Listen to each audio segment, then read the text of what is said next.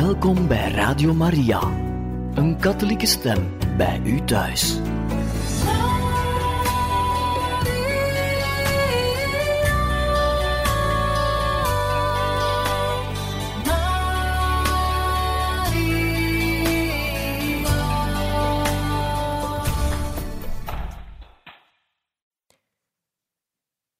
We lezen nu het achtste hoofdstuk van het boek Geloven in de Liefde. Een persoonlijke retraite volgens de heilige Thérèse van Lisieux, geschreven door Père Jean d'Elbé. Hoofdstuk 8 heeft als titel Het kruis. Het moet gezegd worden dat je heel je leven lang, bij elke stap, het kruis van jouw goddelijke voorbeeld zal vinden, van je gekruisigde en met toornen gekroonde koning Jezus. De vernedering is een bitter kruis. De overgave is een ware kruisiging als die goed begrepen wordt. De heilige mis en de communie zijn onafscheidelijk van Calvarie. Er is geen herstel mogelijk zonder boetvaardigheid en zonder offer. In het apostolaat is de betaling om de zielen vrij te kopen het lijden, in liefde aanvaard. Als je het kruis uit jouw leven bandt, zakt alles in elkaar. Het kruis is de structuur. Zoals het de Verlosser gedragen heeft, zo draagt het ook het heil en moet het ook ons dragen in al onze werken. Jullie allen hier, ik hoef het jullie niet te vragen. Je hebt geleden en je zal nog meer lijden. Ik ben er zeker van dat ik je een grote steun kan bieden door je te spreken over de prijs van het kruis. Maar kijk nooit naar het kruis zonder Jezus. Als ik het kruis alleen moet dragen, dan geef ik het bij voorbaat op. Ik wil die afstotelijke last met geen vinger aanraken. Ik ben te zwak, te laf, te gevoelig. Het is te moeilijk om te lijden. Ik verdien het honderdmaal om te lijden zonder u, maar ik wil lijden met u, Jezus. Met u aanvaard ik alle kruisen, allemaal, als u ze met mij draagt. U mag zich verborgen houden.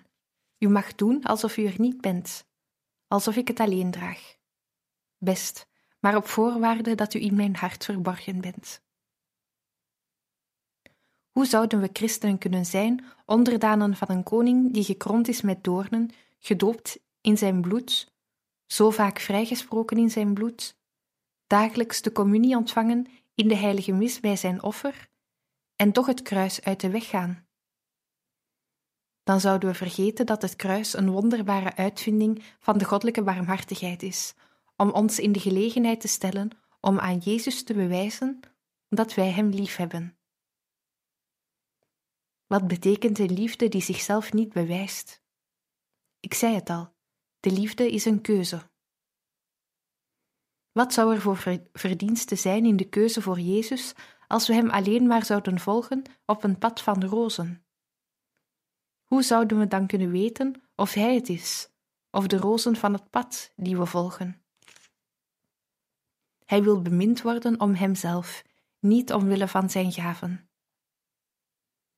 Hij wil niet weten van het verhaal van de rijken die hun vrienden kwijtraken op de dag dat ze, doordat ze geruineerd zijn, hun geen geschenken meer kunnen geven.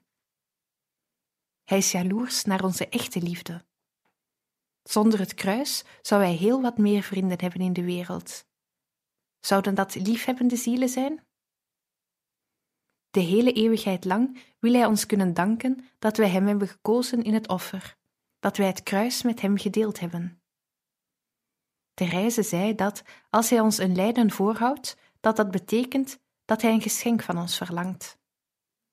Hij bedelt om onze liefde, die bewezen wordt door het lijden om te kunnen zeggen: Je hebt me bijgestaan in de beproeving. Wat zal het heerlijk zijn om gedurende de hele eeuwigheid die woorden over de lippen van Jezus te horen komen, of liever uit het diepst van zijn hart. Gij zijt het die trouw zijt gebleven in mijn beproevingen, en ik verleen u het koninkrijk zoals mijn vader het mij heeft verleend, om in mijn koninkrijk aan mijn tafel te eten en te drinken. Aan zijn tafel, in zijn koninkrijk. Een andere reden om van het kruis te houden is dat het het deel is van onze Verlosser, dus ook jouw deel. Moeten wij niet goed vinden wat hij voor zichzelf en voor zijn moeder gekozen heeft? Mogen we dan verlangen dat hij iets anders voor ons kiest? Hij wil niet dat wij als een kwaad beschouwen wat Hem gediend heeft om ons te redden. Kunnen twee van elkaar houden als de een datgene met afschuw beziet wat de ander met liefde aanziet? Als je van elkaar houdt, dan deel je dezelfde smaak, en Jezus wil dat wij met Hem Zijn smaak voor het kruis delen. Als je van elkaar houdt, dan wil je op elkaar gelijken. Paulus zei: Ik verkondig een gekruisigde Christus. De heilige Andreas zei, toen hij het kruis zag waarop hij bevestigd zou worden: Wees welkom, dierbaar kruis, dat me in staat zal stellen om te sterven als mijn welbeminde meester. Franciscus van Assisi, die zozeer door het kruis gepassioneerd was, verdiende het om de stigmata van onze Heer in zijn lichaam te dragen. De heilige Teresa van Avila, die uitriep: lijden of sterven? Margaretha Maria, die hield van haar vernedering. Therese, die de wonden van haar kruisbeeld verborg onder de rozen en die, zo zou men kunnen zeggen, op dezelfde wijze onder de rozen van haar glimlach haar innerlijke beproeving verborg en die de schatten ontdekte die in het heilig aangezicht verborgen lagen. Bovendien helpt het lijden ons om ons los te maken van de aarde, om hoger te kijken, om ons te herinneren dat de aarde een doorgangsplaats is. Juist daarom ziet men zo vaak dat de armen en de zieken dichter bij onze lieve Heer staan dan de anderen. De pijn verheft, de pijn doet groeien. De pijn bevrijdt. Men heeft vastgesteld dat mensen in rijke gebieden, waar de bewoners het heel goed hebben, heel snel materialistisch, egoïstisch of onverschillig worden. Zij krijgen om zo te zeggen hun beloning op aarde. Daarentegen kijken zij die lijden op naar de hemel. Denken aan de eeuwigheid onder voorwaarde dat ze niet opstandig worden. Een groot kruis is heel vaak een voorspel tot een grote genade, zelfs bij een ongelovige. Het lijden doet de ziel soms in korte tijd rijpen. Een grote beproeving kan een ziel ineens losmaken van al het geschapene en kan de aanleiding zijn tot een volkomen bekering. God heeft ons op deze aarde wonderbare vreugden bereid. Het zou ondankbaar zijn om dat te vergeten. Zoveel mooie dingen die een afspiegeling zijn van Zijn schoonheid verheffen ons tot Hem, wanneer ze ons niet van Hem afleiden. Maar hier op aarde zijn ze nooit volmaakt en moeten ze ons altijd doen denken aan het vaderland van het geluk zonder schaduw, zoals het mooie gedicht van de hoop van Marietta Martin bezingt. Op een dag zullen er geen onuitgesproken woorden van liefde meer zijn, zullen er geen verstikte verlangens meer zijn, geen aanwezigen die stom blijven. Alle stemmen zullen hoorbaar zijn. De sluier die door de muziek wordt opgeheven, zal niet weer neerdalen. Geen ruimte zal nog ontoegankelijk zijn. En de rol van de tijd zal zich in het nu ontrollen. Alle zusterdeeltjes van de zielen zullen bijeenkomen. De zonsondergangen zullen verklaard worden, de schoonheid zal haar beangstiging verliezen. De schepping zal het heldere woord van de Godheid zijn. Een dag als een mooie reis naar de beminde doden.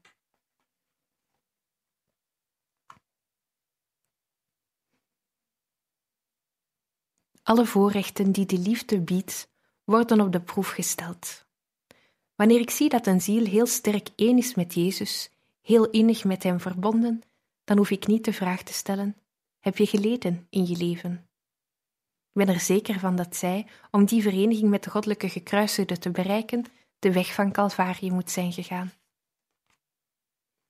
Het kruis is dus voor Jezus een middel om degenen naar zich terug te voeren, die Hem niet lief hebben, om hen die Hem niet genoeg lief hebben, dichter bij zich te brengen, en diegenen die Hem lief hebben, helemaal in zich op te nemen. Het lijden is een uitboeting van de zonden. Jezus heeft onze misdaden willen afwassen met zijn bloed. Maar om deel te hebben aan die pijnlijke verlossing, moeten wij ook op zijn minst voor een deel mannen van smarten kunnen zijn. Dat is een onontkoombare wet. Daar moeten we doorheen. We begrijpen dat we de zonde, die een schuldig genot is, alleen kunnen uitboeten door het lijden. Boete, boete. De heilige boeken staan vol van dat woord. Onze lieve vrouw zegt het ons steeds weer in Lourdes, in La Salette en in Fatima. Om het schone vaderland, de hemel, te bereiken, om te verschijnen voor de God van oneindige zuiverheid en schoonheid, om Hem van aangezicht tot aangezicht te zien, om deel te hebben aan de goddelijke natuur, om te delen in het intieme leven van de drie-eenheid, want dat is immers onze hoogste voorbestemming, om God te kennen zoals Hij zichzelf kent, Hem te beminnen zoals Hij zichzelf bemint, moeten we gezuiverd worden als het goud in de smeltkroes. We moeten een bruiloftskleed hebben dat is gewassen in het bloed van het lam, maar ook gewassen in het bloed van onze zielen. Dat zijn onze tranen. Maar, en ik leg de nadruk op dit maar, beperk je nooit alleen tot de idee van uitboeting via het kruis zonder verder te gaan. Of je nou iets uit te boeten hebt of niet, het kruis wordt altijd uit liefde gegeven. Het wordt ons altijd door Jezus voorgesteld in een plan van liefde. Het is altijd een gelegenheid om onze liefde te bewijzen. En als je het zo opvat, zal het de grootste waarde als uitboeting hebben. Bij elk kruis dat je ontvangt, kun je dus zeggen: Heer, ik aanvaard het vooral als een bewijs van uw liefde voor mij. Zo ver mag je geloof gaan, dat je de liefde van Jezus ziet in elk kruis dat je te dragen krijgt. In het kruis zien we al te vaak een herstel, een reparatie, en niet genoeg een voorbereiding, preparatie. Het is een voorbereiding op de genaden die Jezus ons wil schenken, waarmee Hij ons wil overstelpen. Het is een geschenk dat Hij ons geeft. Wil je een doorn van mijn kroon aanvaarden, gekleurd door mijn bloed? Wil je een stukje van mijn kruis aanvaarden? Ik geef het je uit liefde. Ik leg het je uit liefde op. Als je met vreugde deze gave van mijn gewonde hart aanneemt, dan maak je het mogelijk dat ik je overlaat met genaden. Ik leg sterk de nadruk op dit punt, omdat het niet gangbaar is. Vaak aanvaarden we het kruis heel edelmoedig en zeggen: Ik heb het best verdiend. We zien het als een rechtvaardige tuchtiging, een consequentie van onze ontrouw. Als we wat hoger stijgen, dan aanvaarden we het als een uitboeting voor onze fouten. We bereiken maar zelden het niveau waarop we aan attentie van Jezus zien in de kruisen die Hij ons zendt. Een fijngevoelig geschenk, een bewijs van Zijn tederheid. En toch is het dat altijd. Zeg me maar, is het niet waar dat je eerste gedachte, als je zwaar beproefd wordt na een oplaaiing van opstandigheid van je natuur, het accepteren van het kruis is, terwijl je de rug buigt als een verdiend gevolg van je fouten en het daarbij te laten. Dat is ten dele juist, maar het is niet genoeg geloven in de liefde. Het is het gevoel van een slaaf en niet van een vriend. Bovendien is het kruis een onvolprezen middel om zielen te kopen. Ik heb al gesproken over het apostolaat van het lijden. Jezus wil uit fijngevoeligheid de zielen niet redden zonder ons erbij te betrekken. En ze worden door het kruis vrijgekocht.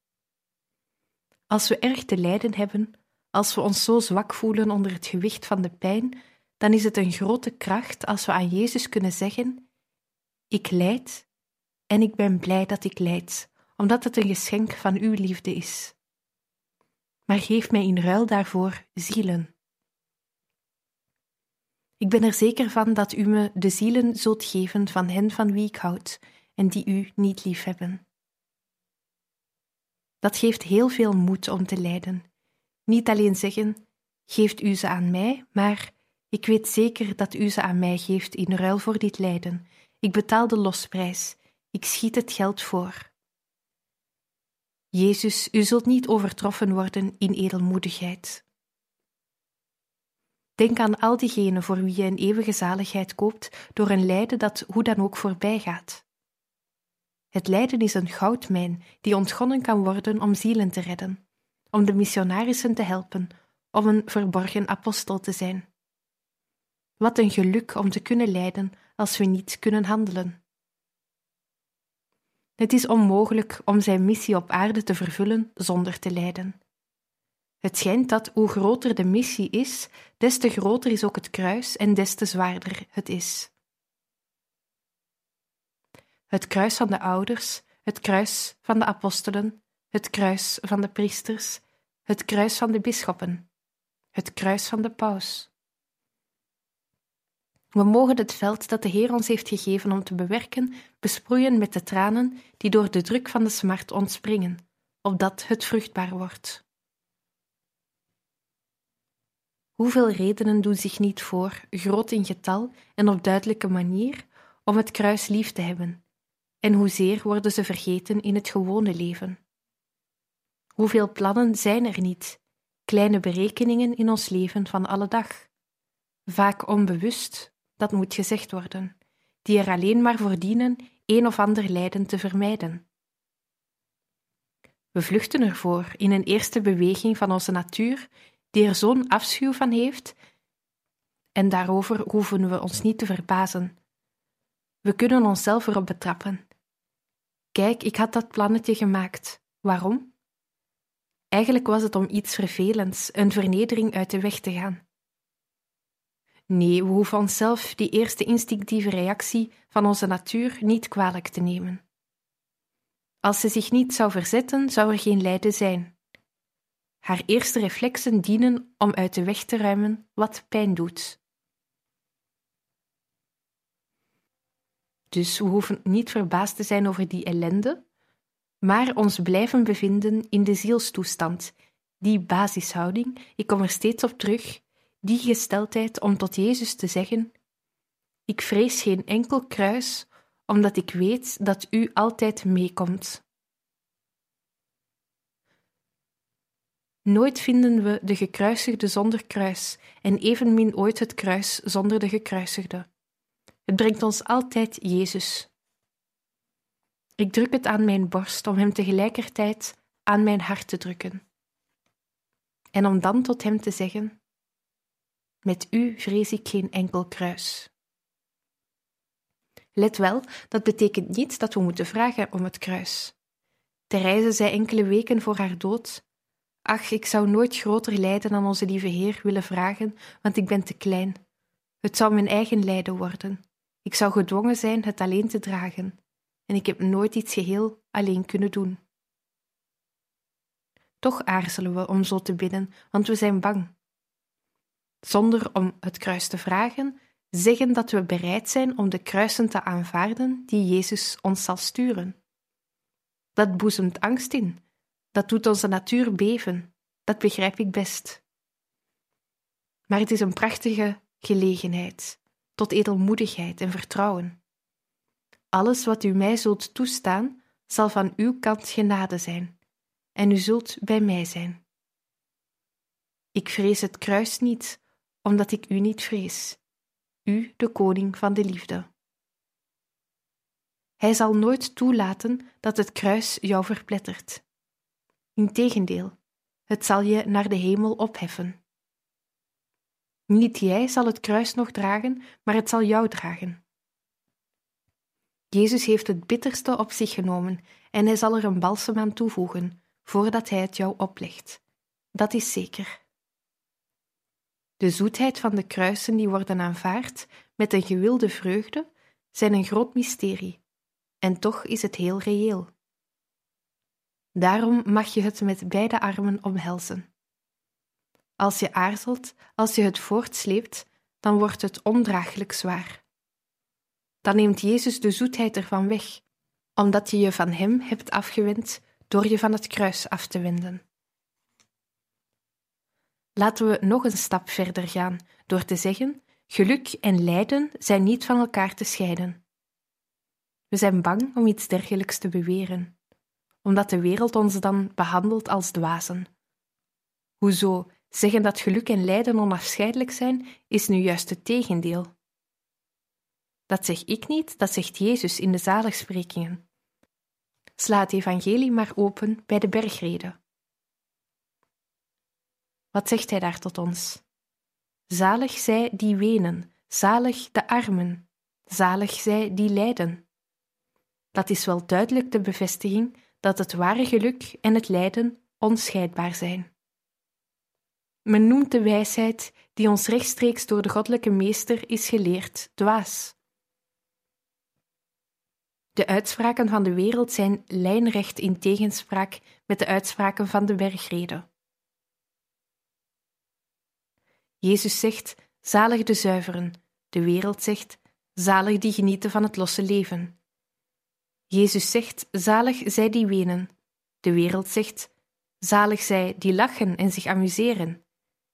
Jezus zegt: Zalig de zachtmoedigen, de barmhartigen. De wereld zegt: Zalig zij die aan anderen hun wil opleggen en overheersen. Zalig de armen, zalig de rijken, zalig zij die lijden, zalig zij die genieten. We moeten teruggaan naar de bergrede.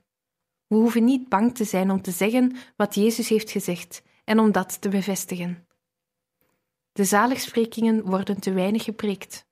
Men spreekt te weinig over de hemel, omdat Jezus zegt: zalig, reeds hier op aarde, maar vooral daarboven, niet waar? De enigen, de ware zaligen zijn zij die Jezus en zijn kruis op aarde hebben gekozen. Zij hebben het geluk gestolen, want zij zijn hier al honderdvoudig gelukkig. Hoe zal het dan zijn in alle eeuwigheid? Aan de hemel denken is geen egoïsme.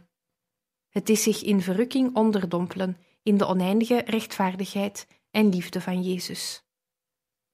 Ondanks dat, denk je niet dat Jezus niet lijdt door jou te zien lijden?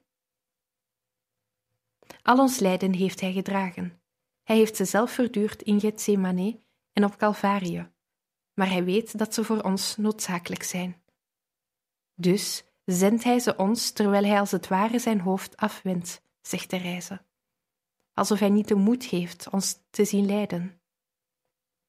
Maar hij ziet tegelijkertijd de zaligheid die het ons opleveren zal, de heerlijkheid die het voor zijn Vader verkrijgt, voor hemzelf, voor ons en ook de genaden voor de zielen die het opbrengt. Dus aarzelt hij niet langer om er onze schouders mee te belasten, uit liefde, uit barmhartigheid, terwijl hij het zelf blijft ondersteunen waar hij zichzelf tot onze Simon van Cyrene maakt. Je ziet, we zijn hier ver, heel ver af van de Jansenistische opvatting over het lijden. Een straf, een vloek van een wrekende God die ons verplettert. Niet een wrekende God, maar een God vol zachtmoedigheid, geeft het ons met een zo grote liefde. Dan kunnen we ook begrijpen dat Hij zijn beminde moeder tot koningin van de martelaren heeft gemaakt. Dat is een goed voorbeeld om voor te houden aan hen die lijden zonder het te begrijpen.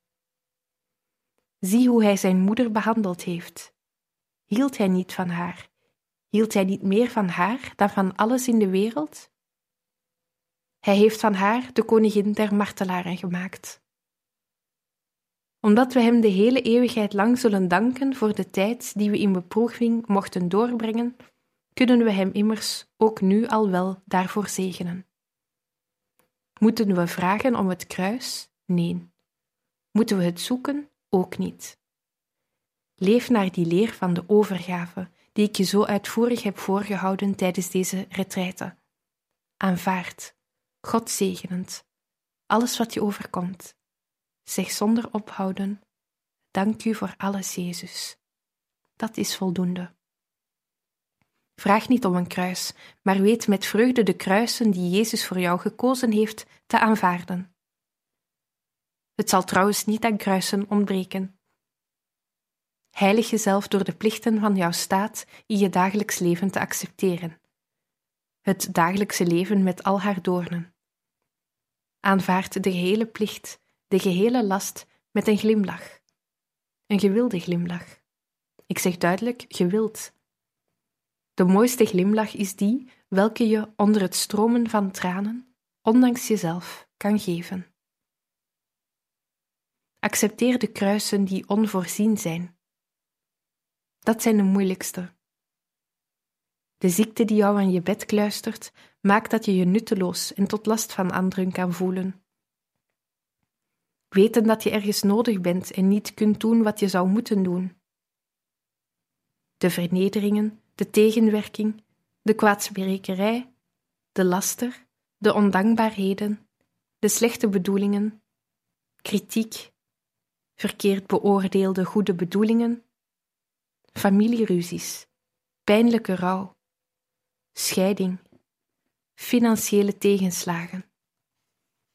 Jezelf overeind houden met alle lichamelijke, verstandelijke en morele ellende. Zonder nog de door God gewilde zielsangst mee te tellen, zoals bij de heilige pastoor van Ars. Wat een lijden heel ons leven lang. En dan is er nog het kruis, dat we ons kruis slecht hebben weten te dragen. Dat is een heel praktisch punt. Hoe vaak heeft iemand niet tegen me gezegd: Ik had het besluit genomen om edelmoedig te zijn in het lijden. Er kwam een beproeving, ik ben ervoor teruggeweken. Ik ben zelfs in opstand gekomen.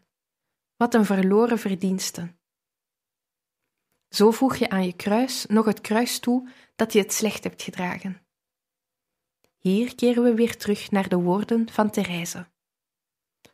We zouden edelmoedig willen lijden, nooit willen vallen. Wat een illusie. Zie je wat een onlogische gedachte? Zuchten omdat je gezucht hebt en dan doorgaan met zuchten. Nee, zeg tot Jezus: Nu aanvaard ik het kruis dat u me hebt gezonden, dat ik heb afgeweerd, en ik aanvaard dat ik het niet meteen geaccepteerd heb. Daar ligt de grote bron van het nederig vertrouwen dat tot het uiterste gaat.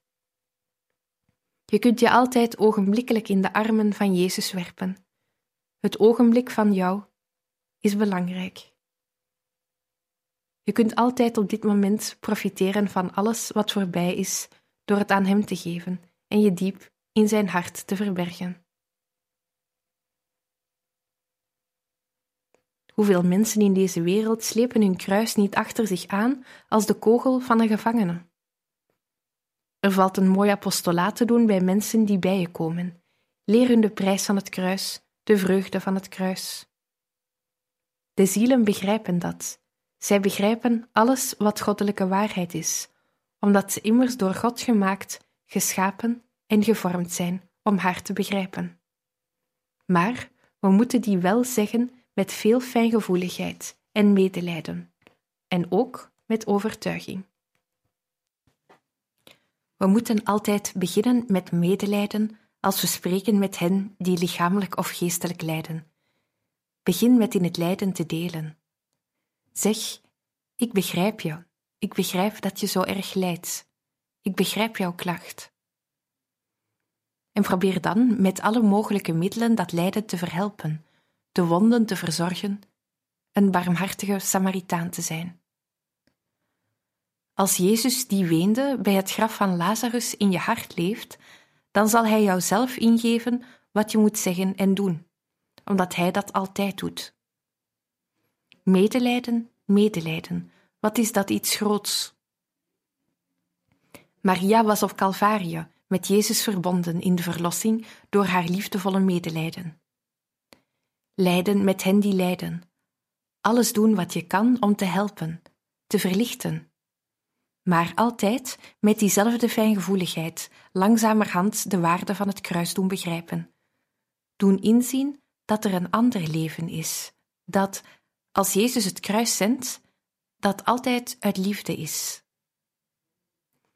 We hebben aan de hele eeuwigheid niet genoeg om Hem te bedanken dat Hij ons kruisen heeft opgelegd, die het voor ons mogelijk hebben gemaakt om een klein beetje van die zaligheid, die ons deel zal zijn en die nooit zal eindigen, te verdienen.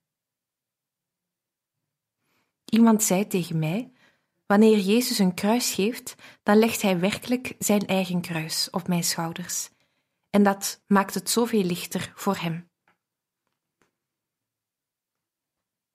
Een grote schat die het lijden oplevert, is ook nog dat het ons leert medelijden.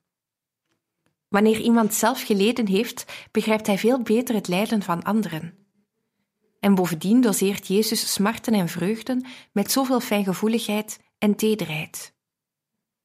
Ik heb eens tot Jezus gezegd: Volgens mij heeft u met ieder van ons een probleem.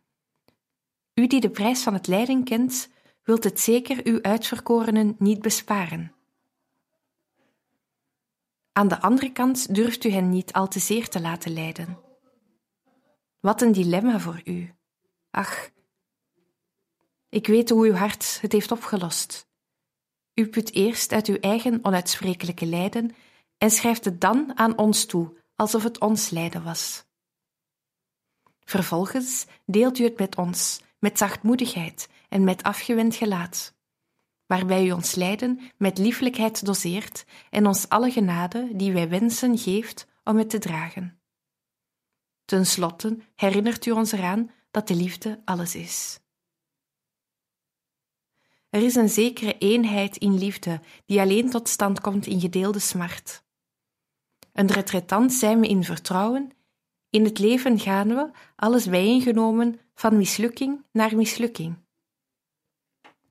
Wat is het goed om te weten dat Jezus, als we met Hem verbonden zijn, al die mislukkingen tot overwinningen omvormt.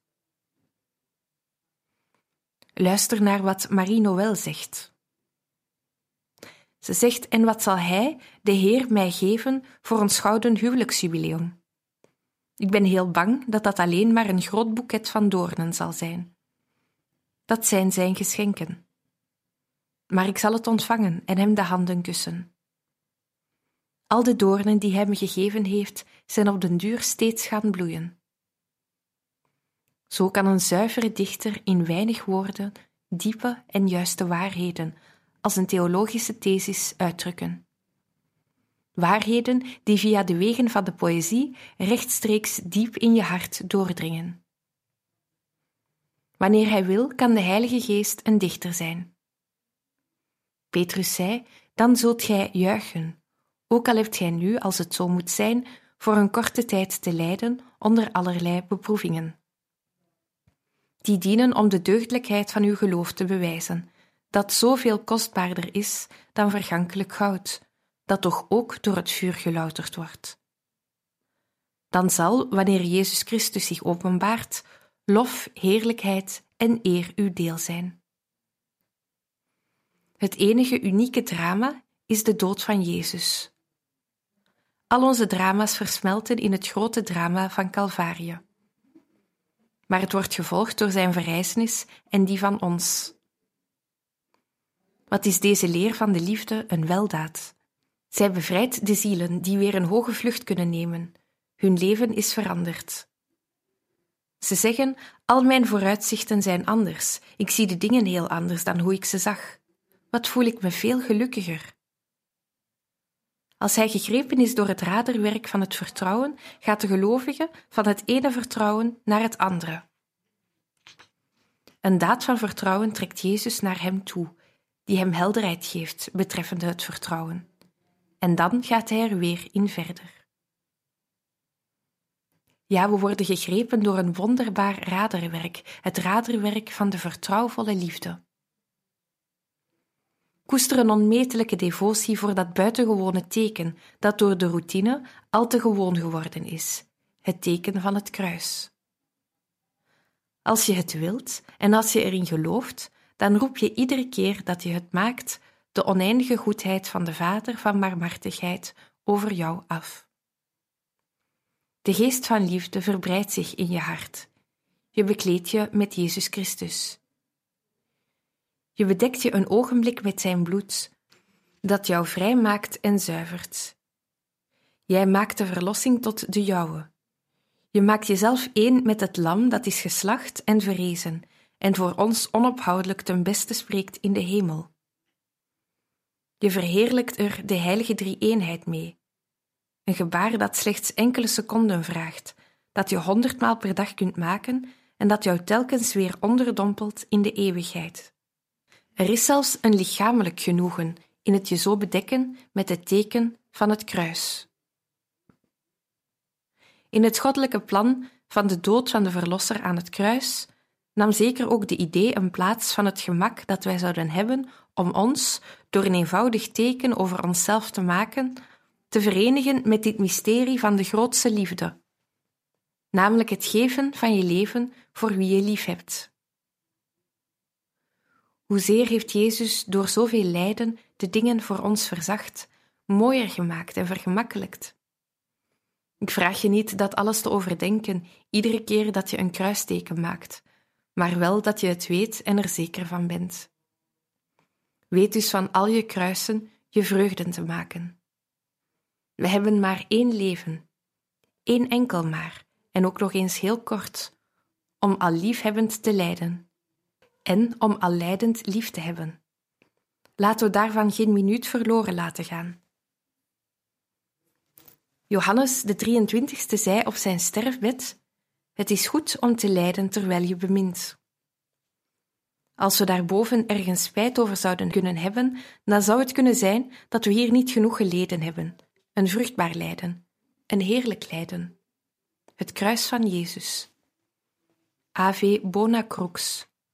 O crux ave spes unica. Welkom, goed kruis. O welkom kruis, onze enige hoop.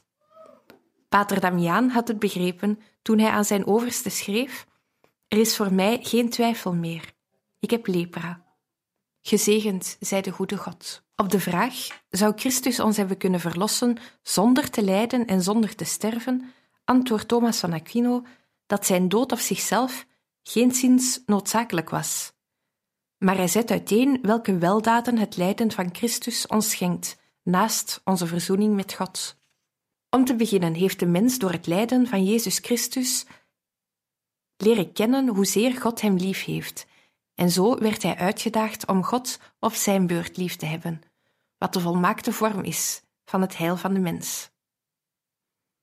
Door zijn lijden heeft Christus ons een voorbeeld gegeven van nederigheid, van standvastigheid, van rechtvaardigheid, gehoorzaamheid en de andere deugden die noodzakelijk zijn voor ons heil. Door zijn lijden heeft hij de mens niet alleen bevrijd van de zonde, maar hij heeft voor hem ook de genade van de rechtvaardiging, van de heerlijkheid, van de zaligheid verdiend. Hij heeft de mens ertoe gebracht zich in zuiverheid te bewaren voor de zonde, naar het woord van Paulus.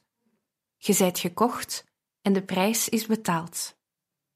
Eert dan God met uw lichaam. De mens heeft een hogere waardigheid bereikt. Nadat hij bedrogen en overwonnen was door de duivel, moest de mens hem op zijn beurt overwinnen.